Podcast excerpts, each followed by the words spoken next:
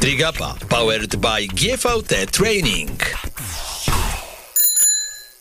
Partnerem podcastu jest Butik Optik, certyfikowany salon optyczny z dziewięcioma lokalizacjami w Warszawie, wyróżniający się wieloletnim doświadczeniem w doborze okularów oraz szkieł optycznych Oakley, a także wielu innych światowych marek. Bądź jak Gapek i zobacz więcej z Optik, wykonując kompleksowe badanie wzroku. Link do niego zamieszczam w opisie tego programu. Kamil Gapiński, dzień dobry, witam Was bardzo serdecznie. Zapraszam na kolejny odcinek programu Trigapa. Dzisiaj, jak to się ładnie zwykło mówić, weteranka sportu. Akurat w tym przypadku triatlonu, akurat weteranka, nie weteran, bo rozmawiam z kobietą, a nie z mężczyzną. Kobieta, która, gdy Wy jeszcze wchodziliście po drabinie do kibla, to już zdobywała pierwsze medale Mistrzostw Polski, bo w 2002 roku sięgnęła po takowy, a że niedawno uznała, iż kończy swoją bogatą w sukcesy karierę, no to jest to dobry pretekst, żeby z nią porozmawiać. Paulina Kotwica, choć dla Justyny Kowalczyk Kotwika, ale o tym zaraz będzie okazja powiedzieć. Witam cię bardzo serdecznie. Witam serdecznie, cześć Kamil, witam wszystkich słuchaczy. Ja muszę powiedzieć, że zawsze szukam kompromitujących informacji o moich rozmówcach, takiego czegoś dziwnego, co udało im się zrobić i bardzo mi się podobało, że sprzedał cię twój własny mąż, który wysłał mi wiele ciekawostek. Nie. Zaczął od tego, że jesteś rocznik 86, a więc rocznik Czarnobyla oraz gimnazjów. Natomiast mnie to nie zaskoczyło, ponieważ ja mam dwie siostry bliźniaczki z tego rocznika, więc ja to wszystko wiem. Ja znam dokładnie rocznik 86. Ja z rocznikiem 86, jako rocznik 83 toczyłem boje, nie wiem, rzucaliśmy w siebie misiami, a kiedyś siostrę tak zdenerwowałem, tego jeszcze nigdy nie mówiłem, że goniła mnie po domu z tasakiem i mówiła, że mnie zamorduje. Takim byłem złym dzieckiem, natomiast do tego nie wracamy, po to chodzę na terapię, żeby się z tym uporać, nieważne. I ta pierwsza kompromitująca informacja odnośnie Pauliny Kotwicy. Słuchajcie, zaczynamy z grubej rury. Na pierwszym triatlonie w życiu nie wiedziała, że przekroczyła metę i pobiegła dalej. Prosiłbym, drogi Foreście Gampie, abyś coś więcej o tym powiedziała. No bo już to historia była taka. Pojechaliśmy na pierwszy triatlon z moim trenerem do Wąsoszy. To było zawsze, to było największe otwarcie triatlonowe w Polsce, Wąsosze. E, no i ja tam pojechałam, młoda dziewczyna. Coś mi tam wytłumaczyli, o co chodzi w tym triatlonie. Mówię, no dobrze, nie? Trasę. 16 lat na karku. 16 lat na karku. Wyszłam jedna z pierwszych z wody wtedy, pamiętam. Na tym rowerze też jakoś sobie poradziłam. No ale już na tym biegu nie było tak kolorowo. No i zaczęli mnie przeganiać e, mężczyźni i ja jakoś nie wiem, oni chyba jeszcze mieli okrążenie jedno czy coś i ja za nimi tam pobiegłam i przebiegłam tą linię mety. Pobiegłam dalej i dopiero chyba, nie wiem, po 400 metrach mój trener Andrzej Stec mnie zatrzymał. Mówi, Kotwa, gdzie ty biegniesz? To już koniec, to już koniec, wystarczy. Ja taka szczęśliwa, bo już złapały mnie chyba cztery albo pięć kolek po drodze, jak to na pierwszych zawodach w życiu. No ale no faktycznie tak było, że ja tą metę przebiegłam, nawet nie zdążyłam się ucieszyć, że to już koniec, a gdzieś tam w krzakach się dopiero zatrzymałam i powiedzieli mi, że to, że to już po wszystkim. Na następnych zawodach trener stał za linią mety z taką kartką A4 z napisem stop. Wiesz, to były czasy, że, że, że, nie było to takiej organizacji, jak mamy to dzisiaj, tak? Ta, ta meta to nie był jakiś taka y, strefa kibica i trybuny, tylko jakiś mały balon tam pewnie stał z, z jakimś napisem albo tabliczką, że to jest meta. Więc to nie... Można było przegapić. Można było przegapić. Zwłaszcza jak było się zmęczony mocno. A czy jako szesnastolatka poczułaś w tym momencie taką miłość od pierwszego wejrzenia i gorące uczucie do triatlonu, czy jednak e, potrzebowałaś trochę więcej czasu, żeby się do tego sportu przekonać? Jak to było? No, od razu mi przypadł do gustu. Ja już byłam troszeczkę wypalona tym pływaniem swoim. Poszłam do Szkoły Mistrzostwa Sportowego w Szczecinie, gdzie dostałam naprawdę sromotny łomot w pływaniu i, i tego pływania było dużo, a tu taka jednak odskocznia fajna, coś innego tego pływania było dużo mniej. No i od razu spodobała mi się jazda na rowerze, tak? Bardzo lubiłam jeździć e, i to sprawiało mi dużą satysfakcję. Z tym bieganiem było troszeczkę gorzej, ale to chyba każdy pływa, który kończy karierę pływacką i ma zacząć biegać, przechodzi przez to. E, więc ta miłość do tego triatlonu myślę, że, że od samego początku była. Tak się zastanawiam, bo powiedziałaś Szczecin, powiedziałaś pływanie, a że jesteś rocznik 8-6, to kojarzy mi się pływanie i tamte czasy z niejakim Mateuszem Sawyrmowiczem, czyli znakomitym polskim zawodnikiem, który również w tym mieście pływał. Mhm. Jakoś razem się przecięliście, trenowaliście, tak, to czy, znaczy czy na, nie? na torach obok. Mateusz e, był rok, e, on jest rok młodszy ode mnie, 8-7 jest rocznik. E, I on był w grupie kraulistów. Ja byłam, ja byłam grzbiecistką wtedy, więc ja byłam w grupie u trenera, który prowadził tylko żabkarzy i grzbiecistów. Taki był podział wtedy w szkole mistrzostwa sportowego. Więc Sawrym, jak my tam na niego mówiliśmy, jeszcze wtedy nie osiągał takich wyników, bo był takim, taką kluseczką, która stała zawsze pod ścianą. e, i nie zapowiadał się, że kiedy zostanie... I z kluseczki stał się mistrz, mistrz tak, świata, przypomnę, na 1500 metrów z stylem dowolnym. Świata. Ja pamiętam zawsze na dyskorolce przyjeżdżał na ten treningi, to była jego wielka pasja, a, a nie pływanie, nie? Więc zawsze gdzieś, gdzieś tam się mijaliśmy na korytarzu czy w szatniach na basenie. To zanim o sporcie, to trochę o podróżach, bo wiem, że Paulina bardzo je lubi, a że zdarza jej się e, podróżować z Agnieszką Jerzyk, z którą się myślę przyjaźni, no to oczywiście Agnieszka mi sprzedała parę historii.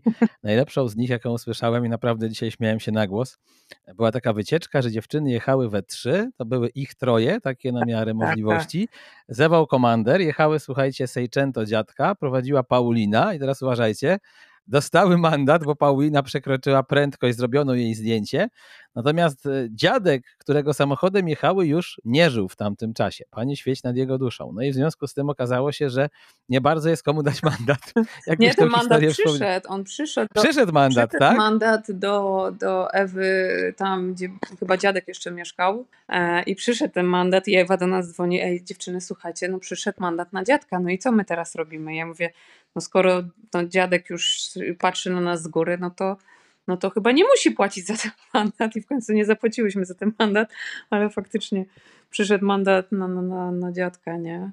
Ale to, było, to był fajny wyjazd wtedy, pamiętam.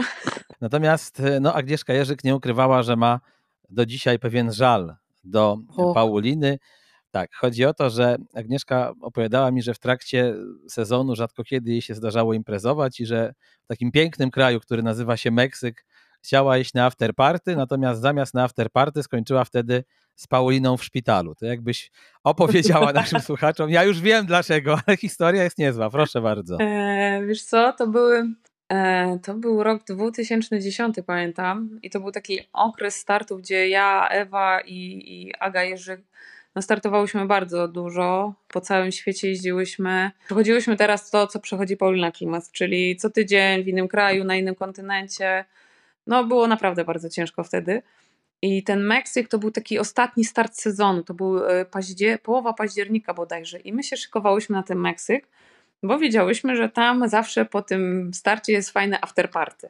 No i Margarita, zabawa, Mar sombrero, jest, wszystko, tak, tak jest. jest. Tam taram, tam taram, tequila, no właśnie. Dokładnie i my jecha jechałyśmy oczywiście z nastawieniem na, na walkę na tych zawodach, ale gdzieś tam z tyłu głowy była myśl, myśl zakończenia tego sezonu. I tak czekałyśmy na to naprawdę. No i na tych zawodach, wychodząc z wody, e, zobaczyłam, że wychodzi zaraz za mną Nicole Spirik. No a każdy wie, jak Nicole Spirik jeździ na rowerze. Więc ja w tym pędzie zabrałam ten swój rower z boksu jak najszybciej. Mówię, muszę szybko buty założyć, bo jak nie założę butów, no to nie mam szans, żeby się tam gdzieś na koło załapać za nią. No i tak chciałam też szybko te buty założyć, że mi się yy, stopa jedna ześliznęła z tego buta i dotknęłam gołą stopą szprychy. Już, już nie będę się tam zagłębiać, Au. zagłębiać, co tam się stało, ale ogólnie e, no, musiałam wylądować w szpitalu. E, oczywiście w tym szpitalu nikt po angielsku nie mówił, nie wiedzieli, co mi się stało. E, wsadzili mnie w kołnierz jakiś na prześwietlenie głowy. Ja mówię, z głową jest ok, no z nogą jest problem. No i to strasznie długo trwało wszystko. Gdzieś późnym, późnym wieczorem dopiero mnie wypuścili z tego szpitala. Zszytą miałam całą nogę, więc chodzić nie mogłam. E, kul nie miałam, więc ty wszystko, wszystko mi dziewczyny pomagały, żeby spakować się i, i, i jakoś ogarnąć. E, wieczorem jeszcze zaczęło mnie to wszystko jeszcze boleć. Więc mówię, dobra, idźcie sobie same. No tak czekałyśmy na tę imprezę, no ale, ale, ale nie poszły, zostały, wspierały mnie w tych cierpieniach. Ale to do dzisiaj mi wspominają, że nie poszłyśmy na tę imprezę w tym Meksyku, na którą no w, sumie, w sumie czekałyśmy o kilka miesięcy dobrych. E, też Agnieszka Jerzyk mówiła, że zabrała się na wakacje życia do Kudowy Zdrój, do jakiegoś pensjonatu dla seniorów, e, no i tam też była mocna zabawa. Pensjonat dla seniorów? Tak? Właśnie widzę, że to wszystko ja jestem tym organizatorem. Tak, ja w ogóle właśnie słyszałem, że ty uwielbiasz organizować wycieczki i że to jest twoje hobby. To teraz będziesz miała więcej czasu, ale do tego jeszcze dojdziemy. Trochę tak. W sumie, w sumie tą budowę faktycznie ja wymyśliłam i to właśnie był ten wyjazd tym Seicento dziadka notabene. No ogólnie też nie miałyśmy wtedy, pamiętam, za dużo czasu, żeby gdzieś coś tam zorganizować i na szybko, a że w góry, w góry. Ja mówię, dobra, nie byłam nigdy w Kudowie, jedziemy do Kudowy. No i się okazało, że mieszkałyśmy. Aha, nie, my chciałyśmy tam chyba jakieś zabiegi mieć, czy coś, bo my po sezonie. Takie spa może albo tak, coś, nie? I, i Aga też y, trenerowi Pawłowi też powiedziała, że ona jedzie tak do spa, na regenerację taką. No i faktycznie chyba jakieś tam zabiegi jedne dostałyśmy, czy wykupiłyśmy, nie pamiętam. No ale ogólnie byłyśmy najmłodsze. Następna osoba chyba była z 30 lat starsza od nas. Albo... To mi się przypomina taka historia, jak kiedyś reporterka Faktu pojechała, moi drodzy, do Ciechocinka, żeby zobaczyć, jak wygląda życie tam po 60. Nie? Ona miała tam 50 parę i opisała taki wyjazd całego weekendu, jak tam ci jurni 70-latkowie jej się dobijali do drzwi, tam każdy już na emeryturze to marzył o tym, żeby powiedzmy jeszcze trochę pokorzystać z życia. I wiecie, wiecie jaki był tytuł wtedy? Taka była okładka zastraszająca. Wtedy pracowałem w fakcie no, i był tytuł Sodoma, Gomorra, Ciechocinek. Więc dobrze, że was nic takiego nie spotkało, jacyś 70-letni absztyfikanci. miny, jak wyszłyśmy na stołówkę tych wszystkich pań, jak nas zobaczyły, bo poczuły chyba jednak zagrożenie. Byłyście konkurencją. Konkurencja była, takie mutki przyjechały a tam same panie plus 50 albo i więcej, a tu o. Nie, ale naprawdę było wesoło i tak e, w sumie przez kilka lat starałyśmy się co roku gdzieś tam wyjeżdżać i tych wyjazdów naprawdę było kilka i, i można było książkę z tych chyba wyjazdów pisać. Nie wiem, co ci... To my, tako, my robimy takiego audiobooka teraz, zanim przejdziemy do triatlonu stricte. No, tutaj się cały czas przewija Agnieszka Jerzyk, to jest taka jedna z twoich najbliższych dusz, jeżeli chodzi o triatlon, taka przyjaciółka, bo jak mi dzisiaj nagrywała o tobie informacje, to no, było słychać w jej głosie, że cię bardzo lubi. E, wiesz co, no dużo, dużo razem przeżyłyśmy. E, dużo razem na, jeździłyśmy się po zawodach, startowałyśmy wszędzie razem, e, na obozach. Byłyśmy takie, że mogłyśmy o wszystkim sobie pogadać, nie tylko o sporcie, ale i o życiu.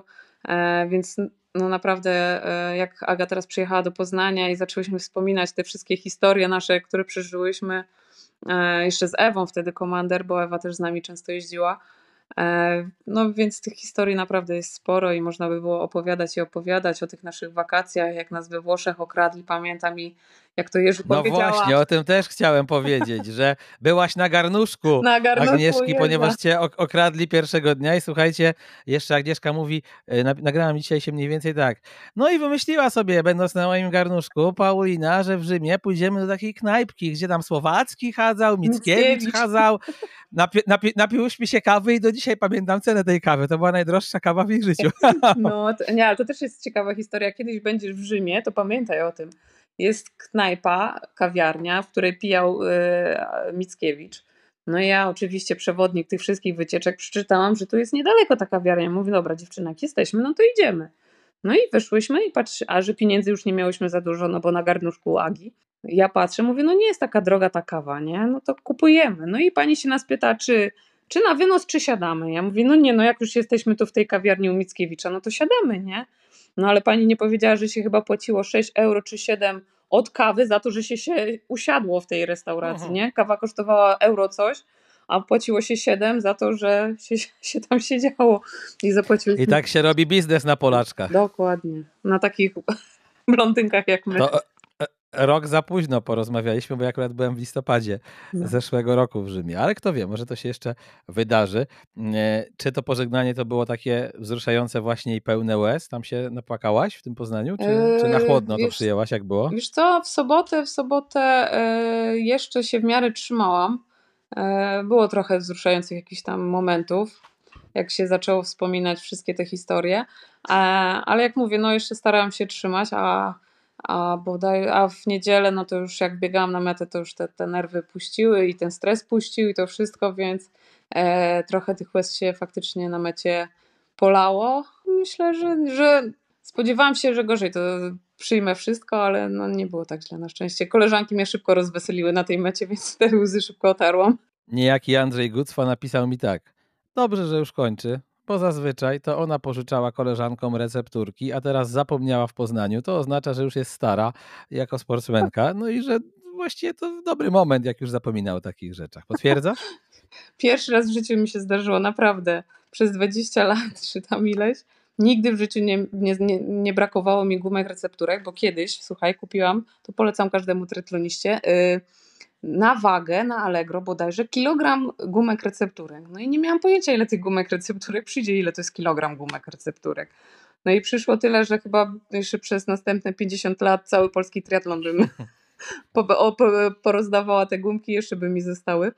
No i ja nie wiem, dlaczego ja w tym Poznaniu zapomniałam tych gumek recepturek i, i faktycznie nie miałam... Jeszcze powiedz, jak ty, je stosu, jak ty je stosujesz, bo to nie każdy musi wiedzieć, do czego ty ich właściwie używasz. Gumek recepturek, do czego? Wiesz co? Tak. Y do tak zwanego y, szybkiego zakładania butów kolarskich w czasie jazdy na rowerze. Przyczepiam, y, y, but jest wpięty w pedały, a ja po prostu zaczepiam jednego buta o, o, o ramę, a drugiego buta, no to już każdy tam indywidualnie, ja zaczepiam o koszyk od roweru, kiedyś tam o przerzutkę zaczepiam albo zacisk, ale teraz większość kół już nie ma zacisku, tylko są wkręcane te ośki, więc no tam kombinuję, żeby po prostu buty były równolegle wpięte i ładnie, ładnie się trzymały, a nie majtały się dookoła. No i te gumki no się po prostu zużywają, tak? Ale nie w takiej ilości, jak, jak kupiłam kilka lat temu. Tak, trzeba załatwić sprawę, kupić gumki, recepturki, rasa dobrze na całe no tak, życie. No, ale dobrze, że wyjaśniłaś, bo nie, nie każdy tam, powiedzmy, jak, jeżeli słuchają na ci początkujący triatloniści, to mogli zachodzić w głowę na coś, No tak, po co mi te e, gumki? gumki. Tak, tak naprawdę. E, no dobrze, to jeszcze zamykając powoli temat Agnieszki Jerzyk, e, co nam tutaj zdradziła, że słuchajcie, marzyła o autografie e, Paulina Kotwica, Justyny Kowalczyk, no i rzeczywiście się udało, natomiast napisała Justyna dla Kotwiki zamiast dla Kotwicy i od tej pory ponoć jesteś Kotwiką dla Agnieszki. Tak, Aga cały czas na mnie Kotwika, Kotwika od tamtej pory mówi. No to prawda, bo zazdrościłam strasznie e, Adze, jak miała możliwość e, spotkania się z Justyną kilka razy chyba na obozach, bo często jeździła do Sierra Nevada, tam Justyna też trenowała. I ja mówię któregoś razu, no Jerzy, no weź mi załatw ten autograf. A na początku jej trochę głupio było, no wiadomo, Justyna była wtedy wielką gwiazdą, dalej jest wielką gwiazdą sportu, ale no jak już tam się troszeczkę poznały, przełamały pierwsze lody, no to faktycznie podeszła do niej i poprosiła ten autograf, ale chyba nie dosłyszała, albo może Jerzu powiedziała Kotwika. Tego, tego, już, tego już nie wiem. Tak, może to jest jej wina po prostu. Dokładnie. Ale faktycznie ten autograf mam do dzisiaj od Justyny z napisem dla Kotwiki. I taka już ksywa u Jerza została i chyba tylko w sumie, w sumie ona tylko tak do mnie mówi, ale ale się już tak przyjęło i tak zostało. Agnieszka Jerzyk mówiła mi, że kiedyś nawet tak mocno rywalizowały z Pauliną, że Paulina śniła jej się po nocach. Przed zawodami w Szczecinie śniło się jej, że się ściga e, z e, Pauliną, z tym, że Paulina wtedy jechała na jakichś rolkach, na czymś dziwnym, w każdym razie na czymś triatlonowym. Natomiast wtedy akurat się chyba rozchorowałaś czy coś i do tej rywalizacji nie doszło. Ale pewnie nie raz, nie dwa, żeście się gdzieś tam mocno we trójkę zawoł komander, a być może nawet we czwórkę z Marią Cześnik jeszcze z paroma innymi dziewczynami tam ścigały, nie? Oj tak, no w sumie jeździłyśmy na te same starty wszędzie po świecie, e, więc no mówię, no tak z 10-12 razy rocznie gdzieś tam się ścigałyśmy, wszystkie trzy albo wszystkie cztery, e, bo tych startów też nie było tak dużo jak jest teraz, tak? Nie, nie było WTS-u, tylko był Puchar Świata i Puchar Europy. I, i, i tych zawodów nie było aż tak dużo, e, więc nie było wyjścia, no spotykałyśmy się w sumie wszędzie na, na startach i i faktycznie z Agą na tych zawodach też mamy wiele wspomnień. Ja pamiętam jeden nasz start e, w Yokohamie. W Yokohamie to było chyba dwa lata przed tym, jak Aga w Yokohamie stanęła na podium. I pamiętam, wyszłyśmy w drugiej grupie i tak obydwie dędałyśmy na kicie, w sensie, że jechała cała grupa z dwadzieścia parę dziewczyn i my dwie ostatnie. A wiadomo jest dla nas, że że ten na końcu ma w sumie najgorzej i się najbardziej męczy i chciałyśmy cały czas do przodu przejść. I przez te 40 kilometrów nie dałyśmy rady się przycisnąć do przodu i tak po zawodach wspominałyśmy, że 40 kilometrów dyndałyśmy jak taka gumka od majtek na tych zawodach, umęczone takie, bo ta druga grupa goniła tą pierwszą grupę i w końcu dojechałyśmy pierwszą grupę w strefie zmian. Więc całe 40 kilometrów było gonitwy, a my z Jerzem tam wisiałyśmy na tej kicie tak zwanej. Kogo uważasz za takiego swojego największego przeciwnika właśnie w Polsce na przestrzeni całej kariery i kogo uważasz za najlepszą polską triatlonistkę w historii twoimi oczami? To oczywiście może być jedna i ta sama osoba, mogą być dwie różne, ale ciekaw jestem jak ty to postrzegasz, no bo jednak to doświadczenie z wyścigów masz olbrzymie. Wiesz co, no myślę, że, no, że Aga Jerzyk mm, nie to, że się przyjaźnimy tak bardzo i, i trzymamy, ale no to naprawdę jest nasza najlepsza zawodniczka w historii polskiego triatlonu i, i, życzę tym młodym dziewczynom, żeby faktycznie osiągnęły tyle co Aga w tym sporcie.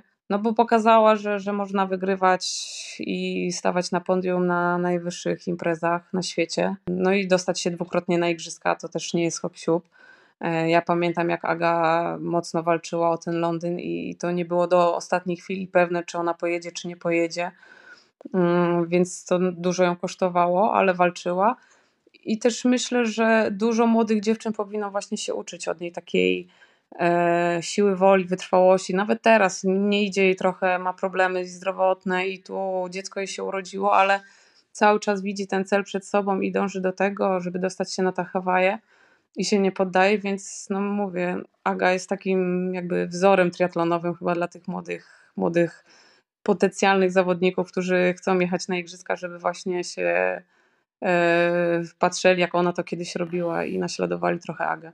No i oczywiście Maria no, Cześnik. Też... No Maria Cześnik e, też stawała na, na podium Pucharów Świata, więc no też jest, była czołową, czołową zawodniczką Europy w pewnym czasie, tak? Więc... No i ciągle walczy, prawda? To też jest imponujące, że jej się jeszcze chce. Ja ją naprawdę podziwiam. Ja, no, i walczy i, i, jeszcze, jeszcze tą formę prezentuje wysoką. Teraz widzę, że walczy w pięcioboju to no szalona, szalona Maria.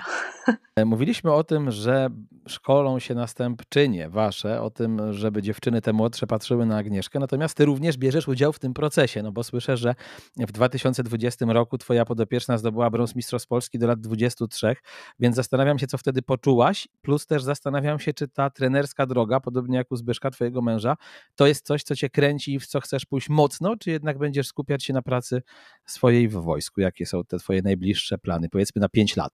Już co, no e, na razie faktycznie musiałam wrócić do wojska e, na pełen, pełen etat, więc przez jakiś czas ta praca będzie mi zajmowała sporo czasu. E, no ale w międzyczasie prowadzę właśnie młodzież i, i tu przede wszystkim chcę się skupić na młodzieży i na dzieciakach. To mnie kręci najbardziej, zwłaszcza z tymi najmniejszymi bąblami. No i też chcę, żeby ten klub u nas w Świebodzicach się zaczął fajnie rozwijać, więc e, myślę, że jak trochę ułożymy sobie te nowe nasze życie i naszą nową drogę życiową, e, to też bardziej się skupię, skupię na tej młodzieży. E, no bo jest dużo osób, które mają potencjał do tego, żeby, żeby coś osiągać, tylko trzeba się, trzeba ich mądrze poprowadzić i, i trochę, trochę ich pokierować, w którą stronę chcą iść. A co czułaś, jak twoja podopieczna sięgała po brąz? Była taka satysfakcja łamane przez wzruszenie? Nie, no na pewno, na pewno. To był pierwszy, pierwszy mój medal e, jako, jako trenerki. Fakt, że tam z Ibiemu to już od, od kilku lat pomagam w treningach e, naszych prozawodników, więc tych medali już trochę, trochę było, ale to było jakby to byli Zibiego zawodnicy, tak? O, ja mu tylko tam pomagałam, coś tam podpowiadałam, a, a Paulina Bohater była stricte moją zawodniczką, którą prowadzę kompleksowo więc no mówię, no satysfakcja jako, jako trener, tak pierwszy raz tak stanęłam z boku, zdjęcia sobie robiliśmy, więc super uczucie. A jaką jesteś trenerką? Ja cię zupełnie nie znam. My w ogóle rozmawiamy, muszę wam dzisiaj przyznać po raz pierwszy w życiu. Ty wydajesz nie mi się przyszłam do ciebie na wywiad w Gdańsku, wiem, dostałam później no. reprymendę. No. No właśnie, to kara, kara finansowa kara powinna finansowa być. Jeszcze, powinna być. jeszcze pogadamy, jeszcze pogadamy o tym zaraz ze Zbyszkiem. Nie, ale tak serio, to, bo ty mi się wydajesz osobą charakterną i wygadaną i jesteś takim też trenerem? Potrafisz się na przykład zezłościć albo opierdzielić, czy to nie jest mhm. droga, którą obierasz? Wiesz co, nie, nie, ja jestem bardziej spokojna, więc y, raczej rozgadana, ja mówię raz konkretnie i, i oczekuję, że, że wszyscy to zrozumieją. E, Zibi jest bardziej taki, e, że potrafi krzyknąć i się unieść. Jak ktoś już musi naprawdę wyprowadzić z równowagi, żebym jak krzyknęła, jak to Zibi mówi, moje spojrzenie czasami mówi o wszystkim, więc jak ja się spojrzę na nich, to oni już wiedzą o co chodzi.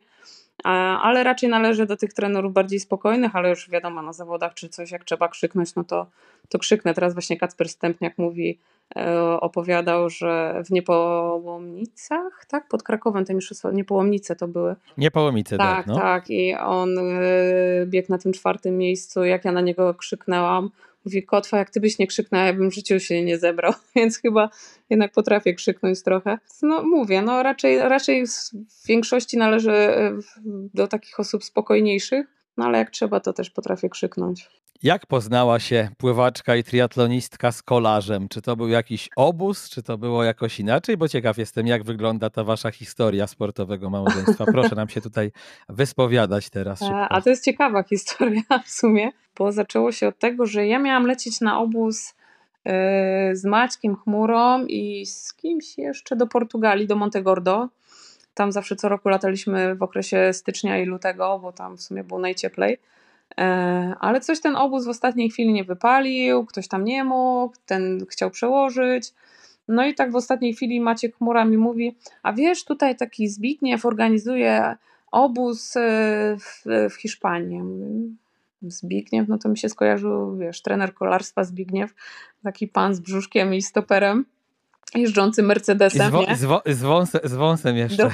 Dokładnie. Ja mówię, no dobra, no to jest jak na ostatnią chwilę i tak już nic mądrzejszego nie wymyślę, no to... to niech już będzie ten Zbigniew, last, niech last, już, last. Tak, niech już będzie tak. ten Zbigniew. No i, i poleciałam, poleciałam na ten obóz i w sumie pierwszy raz spotkaliśmy się na lotnisku w Gironie. E, wysiadłam i patrzę, ten Zbigniew to nie jest taki Zbigniew, jak, jakiego sobie jakiego sobie wyobrażałam. E, no i tam się poznaliśmy. Zbyszek jeszcze wtedy prowadził w sumie chyba jednego triatlonistę. Bardzo dużo się pytał o triatlonie, jak to wszystko wygląda. No i tak opowiadałam o tym triatlonie i był coraz bardziej ciekawy tego triatlonu i co chwila się o coś hmm. pytał, dzwonił. Ja mówię, Botko święte, co on tak do mnie wydzwania no stop.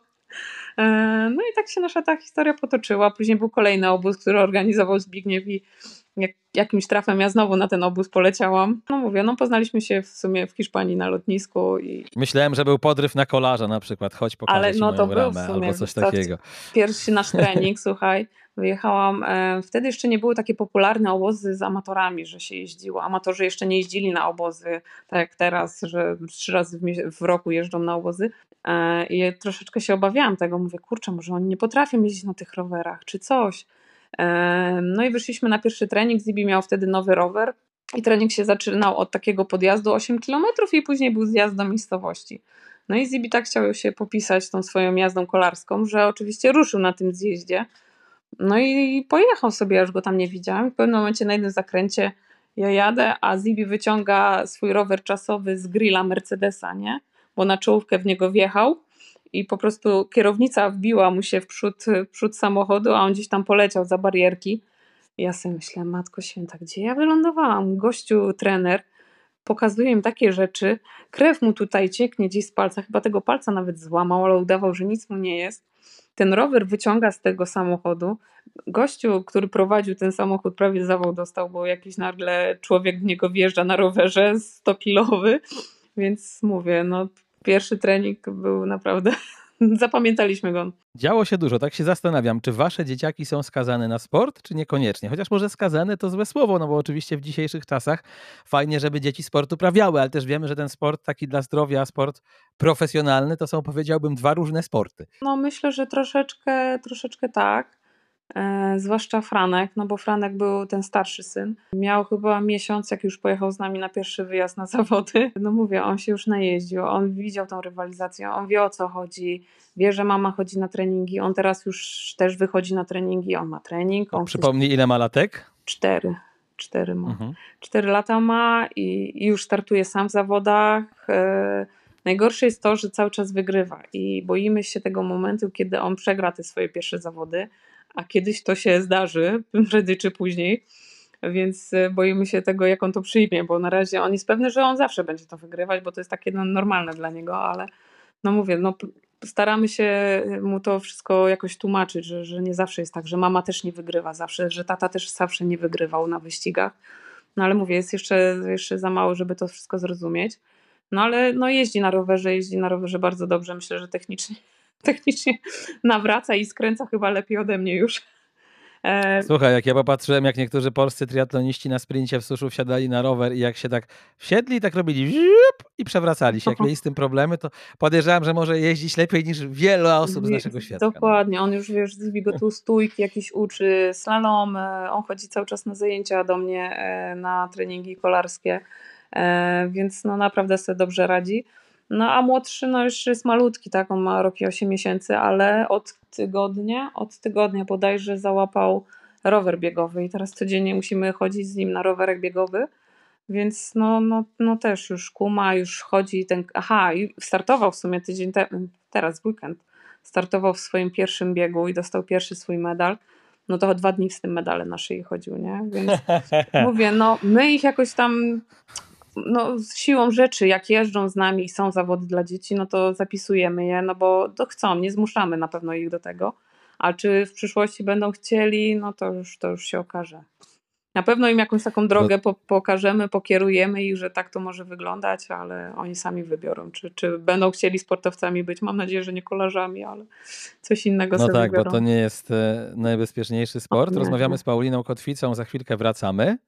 Partnerem podcastu jest Butik Optik, certyfikowany salon optyczny z dziewięcioma lokalizacjami w Warszawie, wyróżniający się wieloletnim doświadczeniem w doborze okularów oraz szkieł optycznych Oakley, a także wielu innych światowych marek. Bądź jak Gapek i zobacz więcej z Optik, wykonując kompleksowe badanie wzroku. Link do niego zamieszczam w opisie tego programu. I jesteśmy z powrotem, kontynuujemy nasz wywiad. E, Czytałem, że ty 200 razy stawiałaś, stawałaś na podium różnych zawodów i zastanawiam się, czy masz jakąś taką ceremonię wręczenia medali lub dekoracji, tam nie wiem, pucharowych, która była najdziwniejsza. Pytam o to dlatego, że sam prowadząc niektóre ceremonie widziałem, jakie tam się cuda wyprawiają, to myślę sobie, że przy 200 mogło się coś zdarzyć dziwnego w twojej całej karierze. Miałaś taką ceremonię, że nie Mhm. wiem, zapomnieli ci dać nagrody, nie było medali, ktoś zaspał, opóźniło się to 3 godziny, ktoś nie przyszedł, czy coś? Czy, czy wszystkie jednak były w miarę profesjonalne? Mm, Wiesz co, mm, w sumie miałam jedną taką trochę dziwną, ale nie wiem, czy mogę o niej opowiadać, bo ten organizator dalej organizuje te zawody, więc...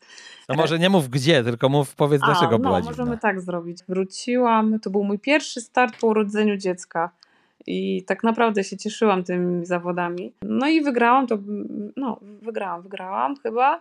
Nie, no na pewno wygrałam, tak, wygrałam. No i stałam na tym podium i dostałam statuetkę, jakiś tam pucharek, czy tam, no statuetka to była. No i schodząc z tego podium, organizator do mnie mówi, Paula, ty, czy możesz mi pożyczyć tą statuetkę, bo, bo brakuje dla innych kategorii wiekowych. Ja ci później ją odeślę. Ja mówię, no dobra, spokojnie. No i zabrał mi tą statuetkę. Ja mówię, kurczę, A odesłał? nie. Ojejku, panie No, organizatorze, smutne, prosimy o nie? statuetkę.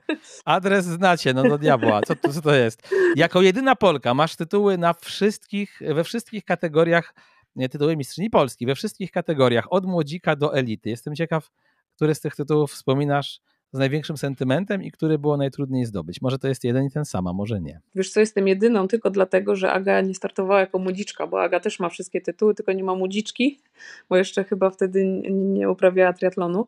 E, a który był najciężej zdobyć? Wiesz co, e, najbardziej pamiętam e, Mistrzostwa Polski w suszu na, na sprincie. To był właśnie pierwszy rok, kiedy zaczęłam współpracować ze Zbyszkiem i naprawdę tak, bo wiesz, czasami się zdobywało tytuł, czy wygrywało się zawody, ale czułeś, że to nie były takie zawody w 100%, jakie byś chciał, żeby były, że ta forma nie była taka super fajna, ale jakoś się udało wygrać, tak? A, a tam No właśnie, udało to słowo klucz. Nie, że tam wszystko było tak jak trzeba, tylko się udało trochę. No, nie? udało, no, można było coś lepiej zrobić, o tak. A Mhm. pamiętam te zawody w suszu wyszły takie w 100% takie, jak sobie zaplanowałam i bardzo dobrze się czułam od samego, samego początku startu do, do końca i naprawdę miałam tam życiowy bieg. E, więc mówię, ten tytuł, i to był mój pierwszy tytuł seniorski wtedy. E, no i to tak utkwiło, utkwiło mi w pamięci i pamiętam. E, no i susz zawsze jest, ma klimat swój, tak? Te zawody. Oj, zdecydowanie, potwierdzam. A który to był rok, pamiętasz? Wiesz co, jak się poznaliśmy z z 2015 albo 16. Okej. To jeszcze chyba Czyli nie koło- komentowałeś. Nie, nie, ja wtedy, ja wtedy, ja w 2016 to nawet startowałem, to było tak strasznie gorąco, co wtedy wszyscy padali jak muchy. E, No, nie wiem, co- czy to był ten, jeżeli to, jeżeli to był ten upał, to na pewno był 2016. To, To były jedyne zawody triatlonowe, tak, ja sobie włożyłem wtedy na jedyne zawody triatlonowe, gdzie sobie wepchnąłem w gacie lód, bo po prostu myślałem, że umrę i potrzebowałem schłodzić pachwiny. Ale nie będziemy tego tematu rozwijać, bo to nie miejsce i nie czas. Ja miałem ciebie jeszcze zapytać o to, jak leciałaś na Puchar Świata do Kolumbii. Ponoć będziesz wiedziała, o co chodzi. Oj, wiesz co, ja miałam wtedy 20 lat, 21 bodajże. E, I pamiętam, leciałam e, z Berlina sama, oczywiście, bo mój trener był dosyć szaloną osobą i wysyłał mnie wszędzie samą. A zwłaszcza w takie dalekie loty, no bo to wiadomo, to były koszty olbrzymie. E, I na lotnisku w Berlinie odprawiał mnie Polak.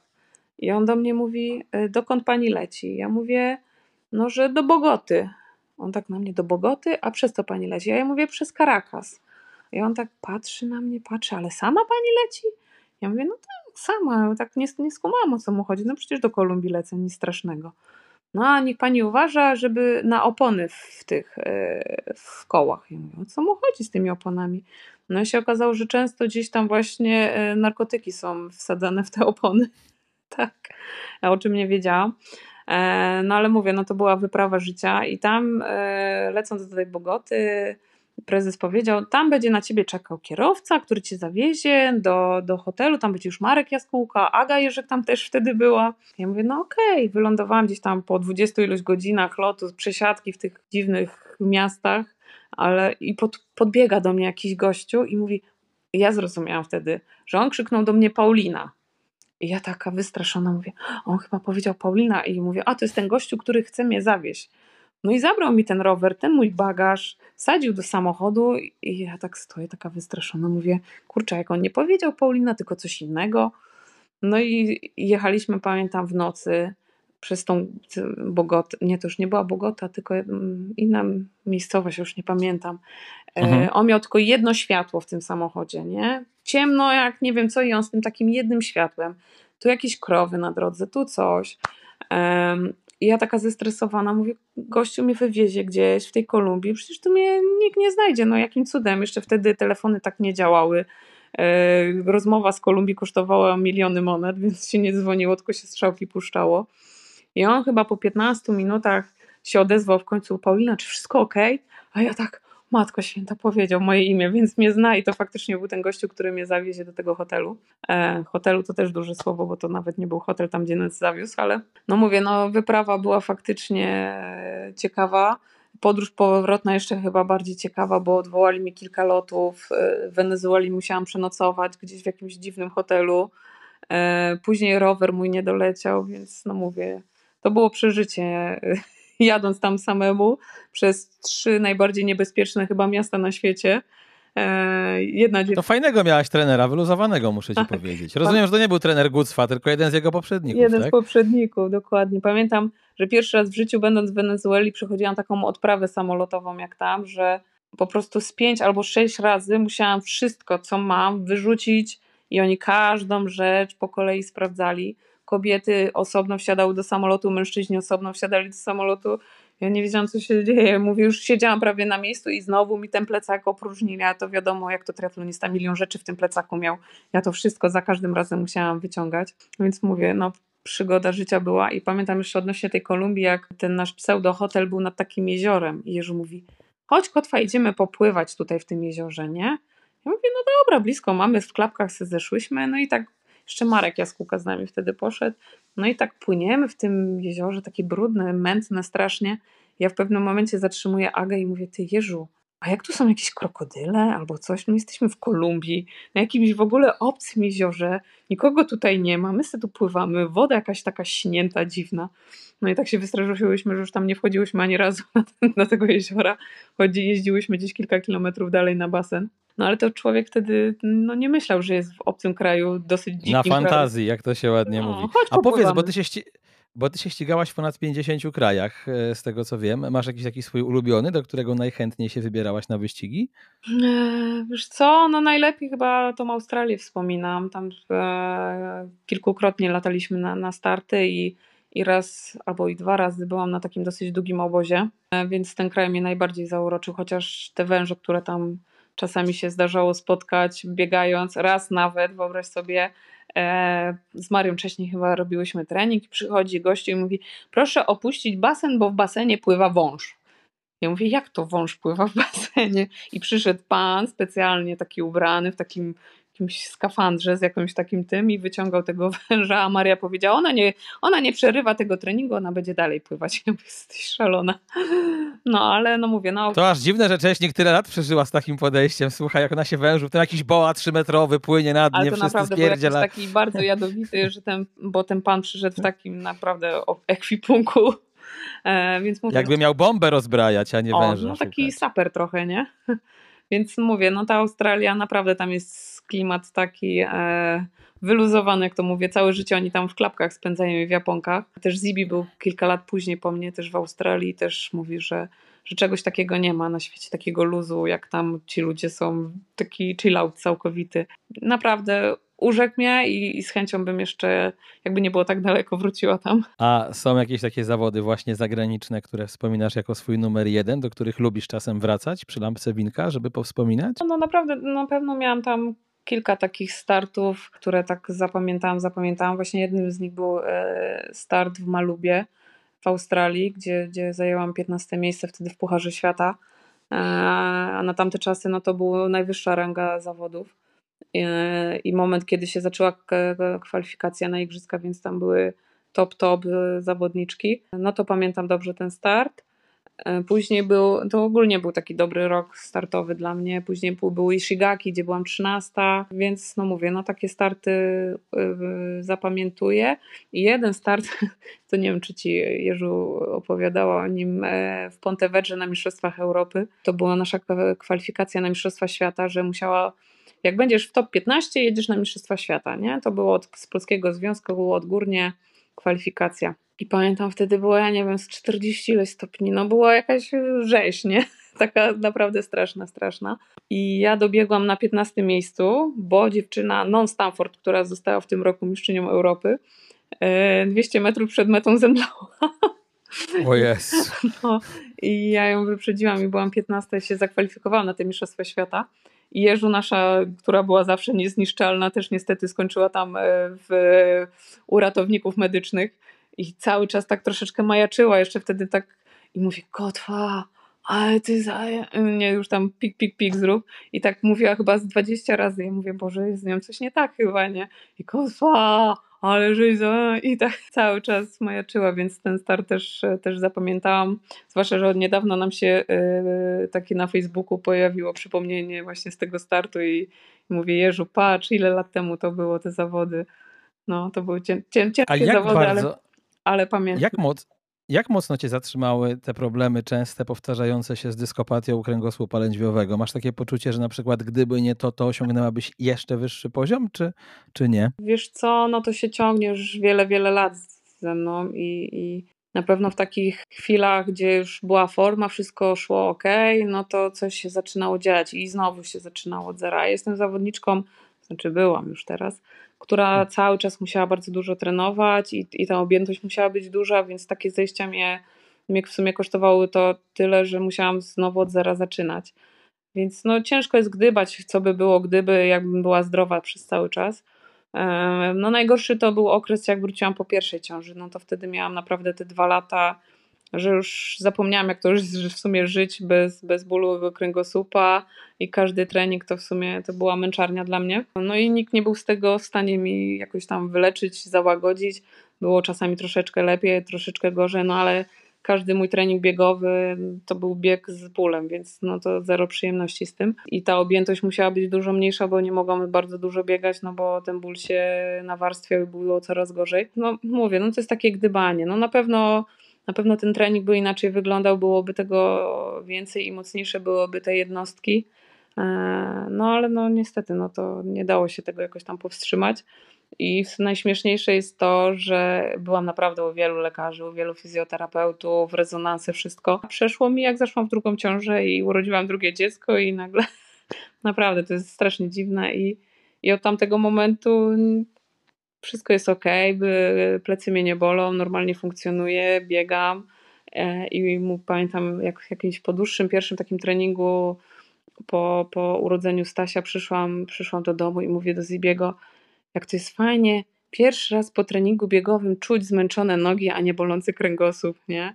Więc no, no, no mówię, no trwało to wiele, wiele lat i, i nikt nie mógł znaleźć recepty na to wszystko, a uzdrowił mnie drugi syn w sumie. A jak wspominasz, moja droga, te medale na wojskowych imprezach? Bo ty masz dwa krążki z tego, co kojarzę, igrzysk i trzy mistrzostw świata.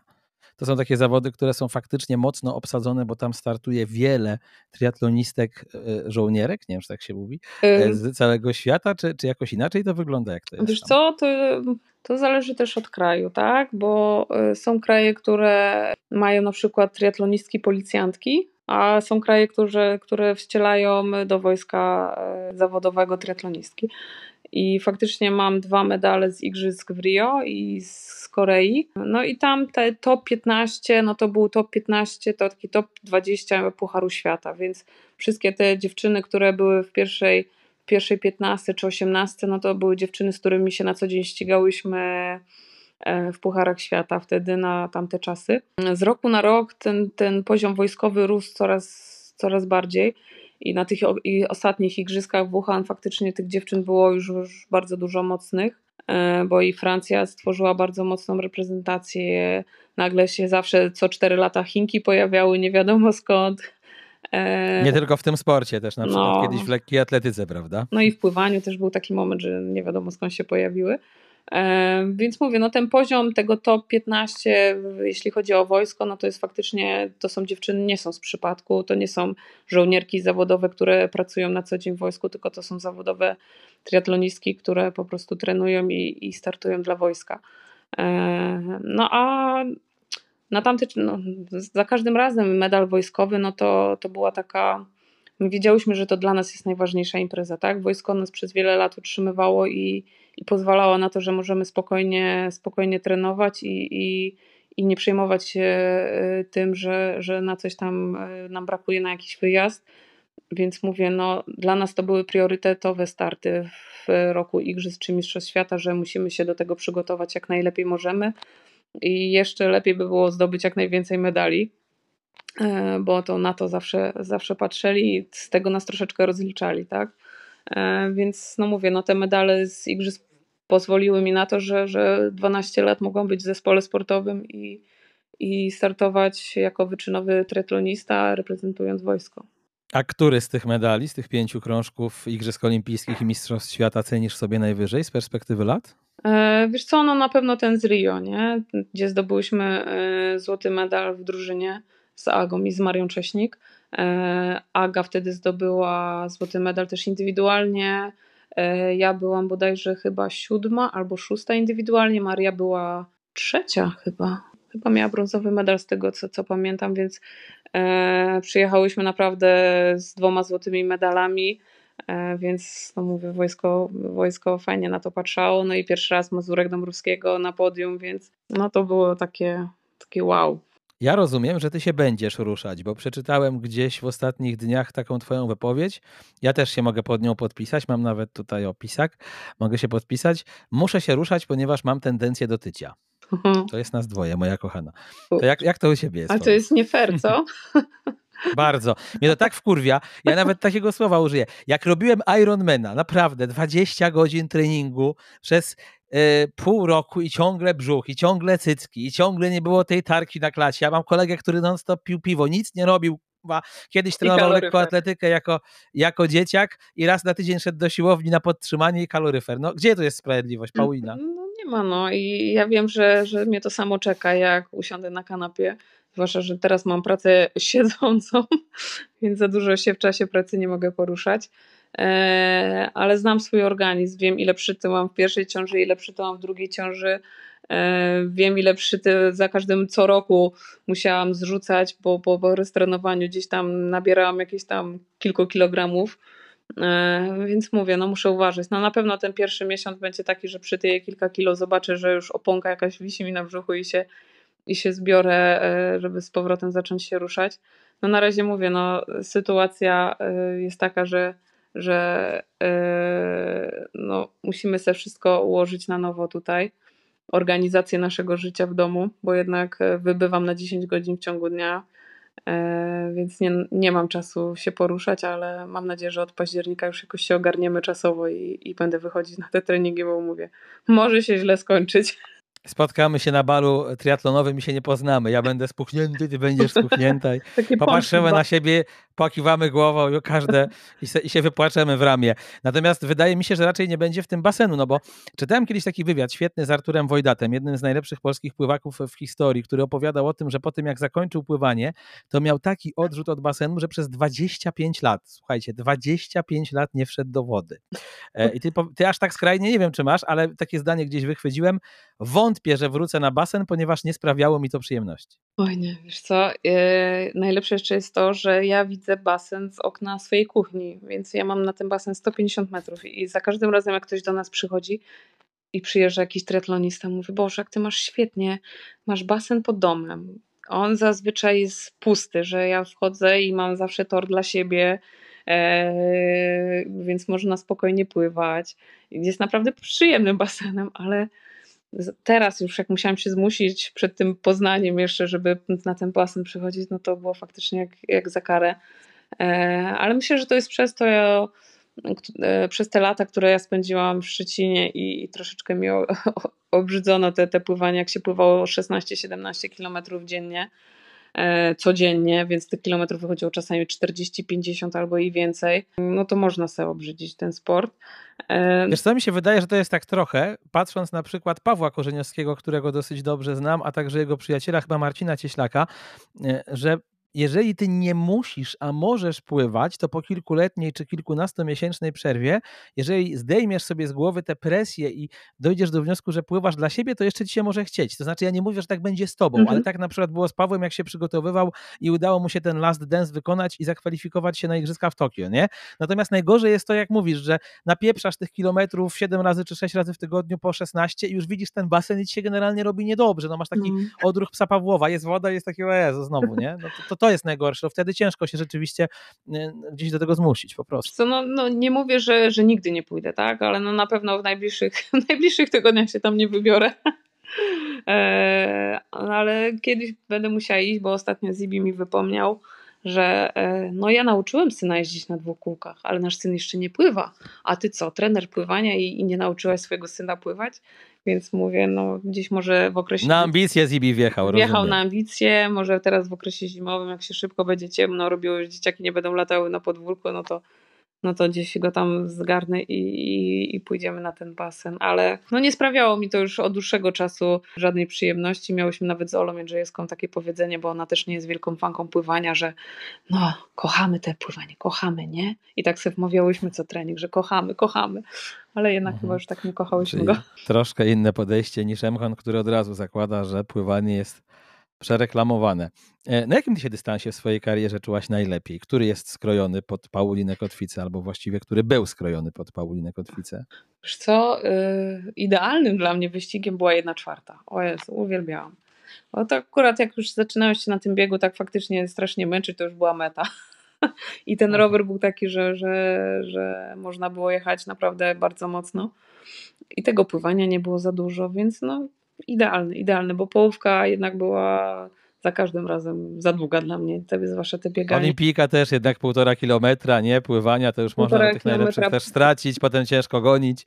Tak, i później ten bieg też troszeczkę w innym tempie niż na jednej czwartej, bo jednak jak się startowało na Olimpijce, no to ten rower czasami można faktycznie było przejechać pół darmo albo, albo gdzieś tam w grupie, no ale ten bieg to zawsze była, to był gaz od samego początku i po prostu kto wytrzymał 10 km, ten, ten wypadał lepiej. E, a tu jednak na jednej czwartej troszeczkę inaczej się te siły roz, rozrzucało i no mówię, no ta dycha była idealna. Dobiegasz, już tam masz 7-8 km i sobie myślisz, o jeszcze 2 i metr. A na połówce co? 7-8, a jeszcze masz 13 przed sobą. Więc to już było trochę za długo dla mnie.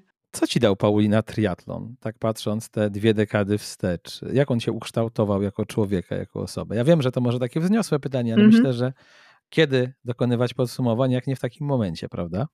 No, no przede wszystkim dzięki triatlonowi no, poznałam Zbyszka, tak?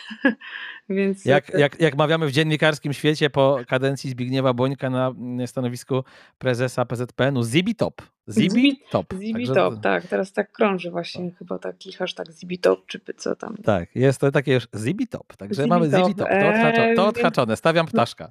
No, więc mówię, no, no dzięki temu stworzyliśmy super rodzinę. A co mi jeszcze dało? No ukształtowało przede wszystkim mój charakter. W życiu sportowca, takiego, który wyczynowo trenuje triatlon, to jest ciągły jakby stres, tak? No, są zawody, więc często się denerwujesz, jest presja czasu. Mm, więc przez to takie życiowe rzeczy, takie drobnostki, które normalnemu człowiekowi jakoś tam panikował, czy coś, czy się stresował, my to takie przyjmowaliśmy ze spokojem, tak? Więc no mówię, no ukształtował przede wszystkim no mój charakter, tak? I, i, i taką wytrwałość w dążeniu do, do, do celu cały czas. No to jest niezwykle ważna cecha. Natomiast będzie miała, zaczęliśmy od anegdotki, więc na anegdotkach też będziemy kończyć. Będzie miała Paulina czas na rzecz, z której słynie, mianowicie e, ma to samo co ja. Na przykład moja dziewczyna tego nie rozumie i mówi, że jestem walnięty. E, ciuchy. Paulina lubi ciuchy i mówi mi Agnieszka, że ty znasz bardzo dużo marek i zawsze jak jeździłaś do Ameryki, to wracałaś z fajnymi ciuchami, że ona zna tylko Nike i Adidas, a ty byłaś tą dziewczyną od mody. Potwierdzasz czy zaprzecza? Czy zaprzeczasz? No, trochę, trochę w tym prawdy było. Jechałyśmy na obóz, to z powrotem się nie mogłem już spakować, bo nie było miejsca. Trzeba było koleżankom rozrzucić tam po Ale walizkach te szczęście... zapisać co u której, żeby nie zabrały i żeby nie przekroczyć kilogramów. Na szczęście Maria Czesik była jeszcze gorsza ode mnie i to było straszne, bo ona mnie ciągała i ja chętna zawsze do tych zakupów. I łaziłyśmy po tych sklepach, jak miałyśmy gdzieś tam dzień wolny czy, czy chwilę spokoju. Eee, i, I tam kupywałyśmy, zwłaszcza jak jakieś promocje były, to wiesz, jak to dziewczyna promocję zobaczy, no to trzeba to Jeszcze kupić. wiesz, w Ameryce to są promocje, takie no, były, że 80% przeceny, a nie 10, tak jak u nas, albo że się podwyższyło cenę na metce tak. i się obniżyła potem, nie? Więc faktycznie tam zawsze coś sobie lubiałyśmy kupić i przywieźć, no bo przecież już może tu nie wrócimy, to trzeba pamiątkę przywieźć. E, ale w momencie, kiedy właśnie dzieci się pojawiły, troszeczkę mniej na to miałam czasu, no ale za to wpadłam właśnie w taki wir kupywania im czegoś. Więc już nawet Zibiemu czasami nie, nie pokazywałam, żeby te, te paczki przychodzą, albo do paczkomatów zamawiałam, żeby on tego... U mnie jak przychodzą paczki, to ja tak chodzę, tak się skradam jak szpieg z krainy deszczowców, odbieram paczkę przy drzwiach i tak idę, idę, idę tak dziwnie, żeby dziewczyna nie widziała, tak przechodzę szybko z tą paczką, żeby nie zwróciła uwagi. A powiedz mi jeszcze taką rzecz, y, czy twoim zdaniem w ciągu najbliższej dekady my się doczekamy Igi Świątek triatlonu?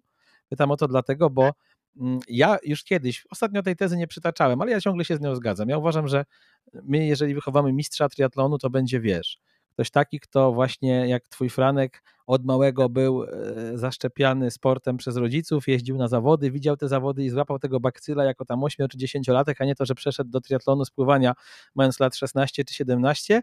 E, no i takich dzieciaków jest wiele, bo jak jeździsz na zawody, czy do Susza, czy do Olsztyna, czy teraz zapraszam w ogóle do Płocka, bo tam będę w swoim rodzinnym mieście i będę prowadził zawody, więc zapraszam, bo wszyscy zmarzniemy jak jasny ten, ale będzie fajnie i tak. Nie, nie? fajnie e, będzie. No, będziesz w Płocku? Nie, nie, niestety a, mam. No Muszę być w wojsku w niedzielę niestety. Myślałem, że może tam wiesz, pokibicować. Mam, no dobra, to Wyobraź sobie, mam przysięgę żołnierza, no. muszę być. Oj, o ja cię kręcę, no dobrze. Poważnie, w każdym razie wracam, wracam do tego, że i mi się wydaje, że właśnie z tych dzieciaków, co jeżdżą ze swoimi ojcami czy matkami na zawody, mają teraz 8, 10, 12 lat, przysiąkli tym triatlonem, to właśnie z nich może być taka Iga Świątek polskiego triatlonu, albo taki Hubert Hurkacz, zostając w, to, w tenisowej nomenklaturze. Jak ty na to patrzysz? Wiesz co, no wszystko mm, widzę jest robione, żeby tak faktycznie było. Całe szczęście, że triatlon się troszeczkę zaczął pojawiać w telewizji i, i, do większego grona ludzi zaczyna on docierać. Ludzie zaczynają widzieć, co to faktycznie jest ten triatlon. No ale też muszą być jakieś teraz małe albo troszeczkę większe sukcesy, żeby to wszystko napędzić, tak? Tak jak w skokach. Był Adam Małysz, to napędził i mieliśmy wielu znakomitych skoczków później.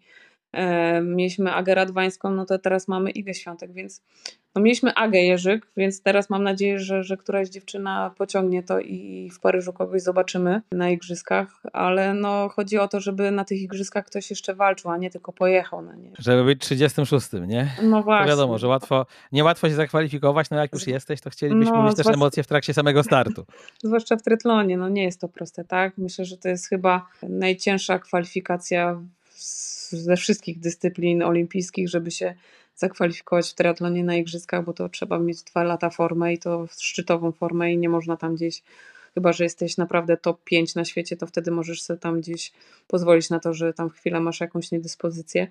No ale mówię, ta kwalifikacja jest ciężka, więc nawet dziewczyny, albo no może chłopak, miejmy nadzieję, którzy się dostaną na Igrzyska do Paryża, no to już będzie olbrzymi sukces dla naszego całego polskiego triatlonu. Step by step, a 2028 Los Angeles albo 2032, e... wtedy już tam mierzmy troszkę wyżej, prawda? Dokładnie, ale no to już to już by musiał się ten ktoś pokazać, mi się wydaje, w, w kategorii tych juniorów, juniorów młodszych. Szczerze mówiąc, byłam w tych niepołomnicach na tych mistrzostwach polskich i faktycznie jest jest kilka e, fajnych osób, które, które widać, że, że to są takie diamenty, które trzeba poszlifować i, i dobrze poprowadzić. Więc no, no mamy z czego, zaczynamy mieć z czego wybierać faktycznie i widać na tych pucharach Europy juniorów pojawia się coraz więcej tych, tych, tych zawodników z Polski. No i o to chodzi, bo jak jeśli oni się nie będą ścigać, no to to nie ma szans, że, że się później przebiją, tak? Bo zawsze było, on jest młody, on nie musi jeździć, tak? I tak się nagle budzą, że są już U23, a w dzisiejszych czasach U23 to już walczy o medal olimpijski, a nie stara się przebijać gdzieś tam na pucharach Europy. Więc no mówię, no to już idzie to w dobrą stronę i miejmy nadzieję, że, że na następnych igrzyskach, nie w Paryżu, tylko na kolejnych, nie będzie jakiś zawodnik z Polski, tylko będzie zawodnik z Polski walczył, no dajmy na to nawet o top 10, tak? Nie mówię, że już medale ma zdobywać, ale żeby już faktycznie walczyli. Choć po, ku pokrzepieniu serc, przeczytałem dzisiaj taką historię, jadąc sobie do pracy rano, że Carlos Alcaraz, czyli zwycięzca US Open, najmłodszy od czasów Rafy Nadala, rocznik 2003, uważany za olbrzymi talent, w tej chwili już światowa jedynka tenisa. Jako junior wcale nie był, a to przecież było niedawno, bo to de facto było tam, nie wiem, 3-4 lata temu, wcale nie był uważany za wielką gwiazdę. To znaczy było wielu od niego lepszych juniorów, miał przebłyski, po których tam niektórzy mówili, mhm. o to może być kawał zawodnika, a odpalił dopiero w seniorach, więc być może też spotkamy kogoś, kto teraz ma jeszcze 14-15 lat, jest ok bez szału, a potem jak odpali fajerwerki, to no, zwłaszcza, nie odkręcimy się przez dwa tygodnie. U, u mężczyzn to troszeczkę jest inaczej niż u kobiet, bo jednak ci mężczyźni się troszeczkę czasami niektórzy później rozwijają i ten boom jest taki znaczący. A no ale mówię, no, no może gdzieś już te perełki są no i startują i, i miejmy nadzieję, że, że za ile? Siedem, dwa lata? Sześć, tak? Za sześć lat już naprawdę będziemy śledzić tak jak Igę Świątek czy siatkarze oglądać w telewizji, no to będziemy patrzeć na ten triatlon i zaciśniętymi pięściami, kciukami, żeby, że, że Polak walczy o najwyższe miejsca. To na koniec, droga Paulino, czego Ci życzyć na tej nowej ścieżce życia? Czego mi życzyć?